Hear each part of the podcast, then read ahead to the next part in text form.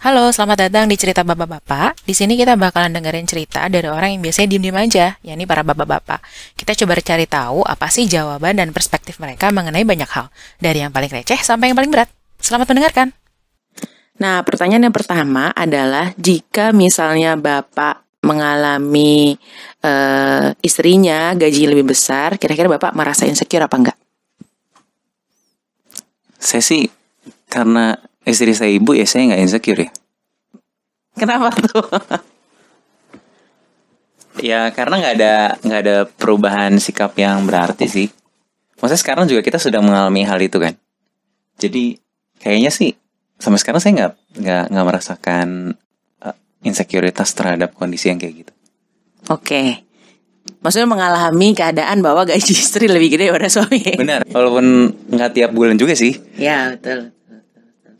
Oke, berarti Bapak merasa kalau gaji sih lebih gede, saya nggak ngerasa insecure. Nah, pertanyaan selanjutnya adalah kenapa Bapak Bapak tidak merasa insecure?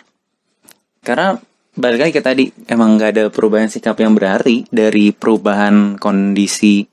Kan tadinya uh, ibu punya penghasilan yang jauh lebih rendah kan daripada saya. Betul. Terus kemudian uh, seiring dengan progresivitas saya mau jadinya level sampai akhirnya jadi lebih tinggi. Nah, saya nggak ngelihat ada perubahan yang berarti dari progres itu. Jadi buat saya nggak nggak ada bedanya gitu antara yang dulu dengan yang sekarang. Jadi saya nggak ngerasain sekarang sama sekali. Perubahan yang dimaksud adalah perubahan dari segi sikap dan perubahan dari spending habit atau gimana? Iya, dua-duanya betul. Dari sikap uh, rasa superioritas, terus kemudian rasa uang gue uang gue gitu itu memang nggak ada. Dari dulu ya memang jadi uangnya kita sehingga semua spending itu kecuali kecil-kecil ya kecil-kecil mah bisa diputusin sendiri. Tapi kalau untuk spending yang besar-besar kita memang nggak pernah nggak pernah membiasakan untuk uh, beli sendiri-sendiri gitu. Selalu selalu ada diskusi. ada diskusi selalu ada komunikasi tentang uh, spending maksimal minimal di atas satu juta itu pasti kita ada diskusi lah. Berarti uh, poinnya adalah bapak nggak merasa insecure karena memang sikapnya sikap dalam, dalam artian nggak lebih songong nggak lebih superior hmm. gitu. Yang kedua adalah karena memang uh, dari segi manajemen keuangannya memang dari awal sudah sama si saya sama istri gitu ya dan uh, apa namanya tidak ada terasa spending habit lebih tinggi atau mungkin gaya hidup lebih tinggi tapi sama aja hmm. gitu ya jadi nggak ada nggak ada perubahan sama sekali dan itu yang menyebabkan bapak nggak merasa insecure. Nah hmm. lanjut.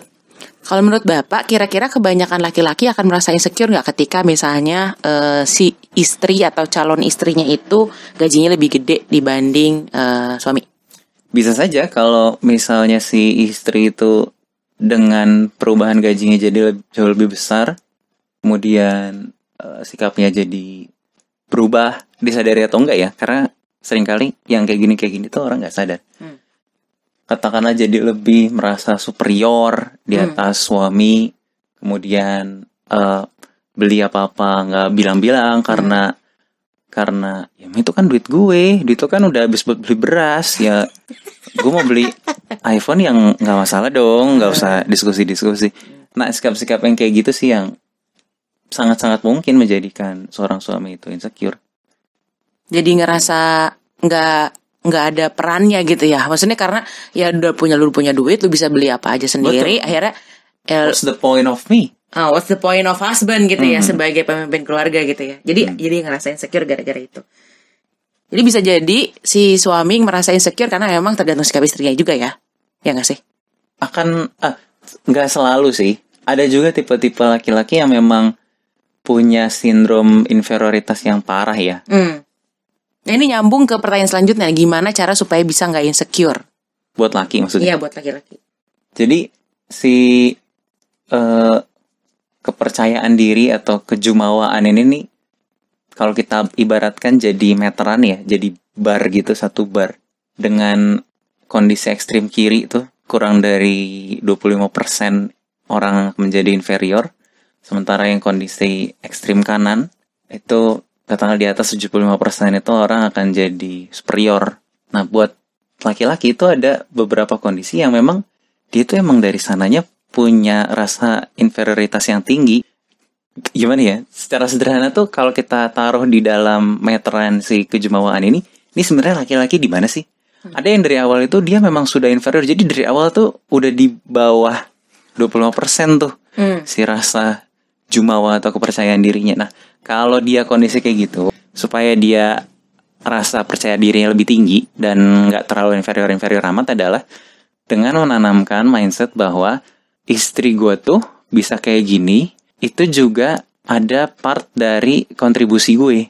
Ada ridho suami ada eh, effort suami untuk mengcover pekerjaan istri yang gak bisa dia kerjakan selama katakanlah ngejar presentasi, pitch deck dan lain-lain gitu. Jadi dengan kita menanamkan mindset itu, maka suksesnya istri itu bukan jadi sukses personal tapi juga sukses sukses tim gitu. Sebenarnya yang perlu diperhatikan adalah paling enak ya kalau terutama yang belum nikah adalah ya jangan cari yang eh, laki yang punya mentalitas ekstrim kanan ekstrim kiri sejak awal karena itu menyulitkan. Kalau ada tanda-tanda gejala-gejala ke arah sana ya mending tinggalin aja. Kalau bisa begitu ya. Tapi Ya. kalau ini udah posisinya udah jadi pasangan, ya perlu direkayasa supaya jadi di tengah-tengah. Karena pertanyaan utama kita kan kalau misalnya is- suami insecure kan, Hmm. bukan ketika suami songong kan. Hmm. Kalau suami songong mah tendang aja. kalau suami inferior ya tadi perlu ditreatnya dengan menanamkan mindset tadi. Tapi kalau buat istri, mindset itu tuh bukan ditanamkan dengan ngobrol gini loh. Hmm. Enggak, enggak. Jadi jadi awkward malah kalau kalau kita tuh malah sesi diskusi, eh Mas kamu tuh tahu nggak sih kinerja saya tuh selama ini tuh berkat kamu juga bukan bukan kayak gitu sebenarnya cara yang paling efektif. Cara yang paling efektif adalah dengan balik lagi dengan perbuatan sikap sama dengan melibatkan suami ke dalam diskusi-diskusi yang terkait dengan keuangan keluarga. Meskipun meskipun bisa jadi itu bukan du- duitnya dia. Ya, kebayang. Jadi poinnya nih saya summary nih ya. Jadi intinya kalau dia barnya kalau sebelum sebelum nikah, kalau kira-kiranya dia barnya tuh di terlalu kiri atau terlalu kanan, out aja, nggak usah. Atau ya kalau bisa didiskusin, diskusin gitu. Tapi kalau udah udah menikah, berarti poinnya adalah kalau dia terlalu kiri, kita coba eh, push kan dia si suami supaya Iya, ngerasa dengan lebih perbuatan-perbuatan itu. Ya, supaya dia ngerasa oh ini ada ridho gue nih, ada kontribusi nih. Nah, tapi caranya bukan dengan ngomong, tapi dengan Hmm, dengan, dengan ngomong. kayaknya itu jadi malah nge ngebot si insecurity-nya gitu ya. Jadi artinya yang harus di apa namanya dilakukan adalah dengan perbuatan gitu ya, dengan sikap ngajakin diskusi soal keuangan, sikap-sikap Iya. gitu. Last question. Menurut Bapak sifat apa sih yang harus ada di diri seorang perempuan yang kalau misalnya ternyata dia gajinya lebih gede supaya tidak membuat suami insecure atau calon suami insecure? Sebenarnya ini buat semua orang juga sih ilmu tahu diri. Apa tuh maksudnya ilmu tahu diri? Jadi kita paham bahwa kalau kesuksesan kita sekarang tuh bukan semata kerja satu orang doang. Bukan karena self made gitu loh. Ini semua karena gue gitu. Itu Iya. kan nggak nggak nggak mungkin seperti itu kan pasti kita dapat bantuan dari orang lain, dapat doa, dapat ridho dari orang lain. Nah dengan kita, nah buat buat suami kan kita mindsetnya adalah rezeki istri itu ada di rezeki eh gimana sih? Kalau suami itu rezekinya suami ada rezeki istri di Iya, ada dalamnya. rezeki istri di dalamnya. Nah kalau istri kan posisinya sebenarnya bukan mencari nafkah ya, Hmm. tapi kan di dalam proses mencari nafkah itu kan ada ridho suami. Hmm. Jadi dengan meniadakan mental self made itu, dengan jadinya kita menitik beratkan kesuksesan kita itu banyak dari faktor eh, eksternal di luar kita, dari orang lain yang banyak bantu kita. Nah dengan cara itu sikap-sikap yang bisa bisa apa? Bisa jadi bibit insekuritas buat para suami harusnya tidak lagi muncul di diri para istri. Berarti artinya dua-duanya nih si suami juga harus tahu diri, istri juga harus tahu diri. Ketika suami misalnya terlalu superior juga nggak bagus, inferior juga nggak terlalu bagus, si istri juga begitu. Baiklah, terima kasih banyak Bapak Delmar atas wawancara ini.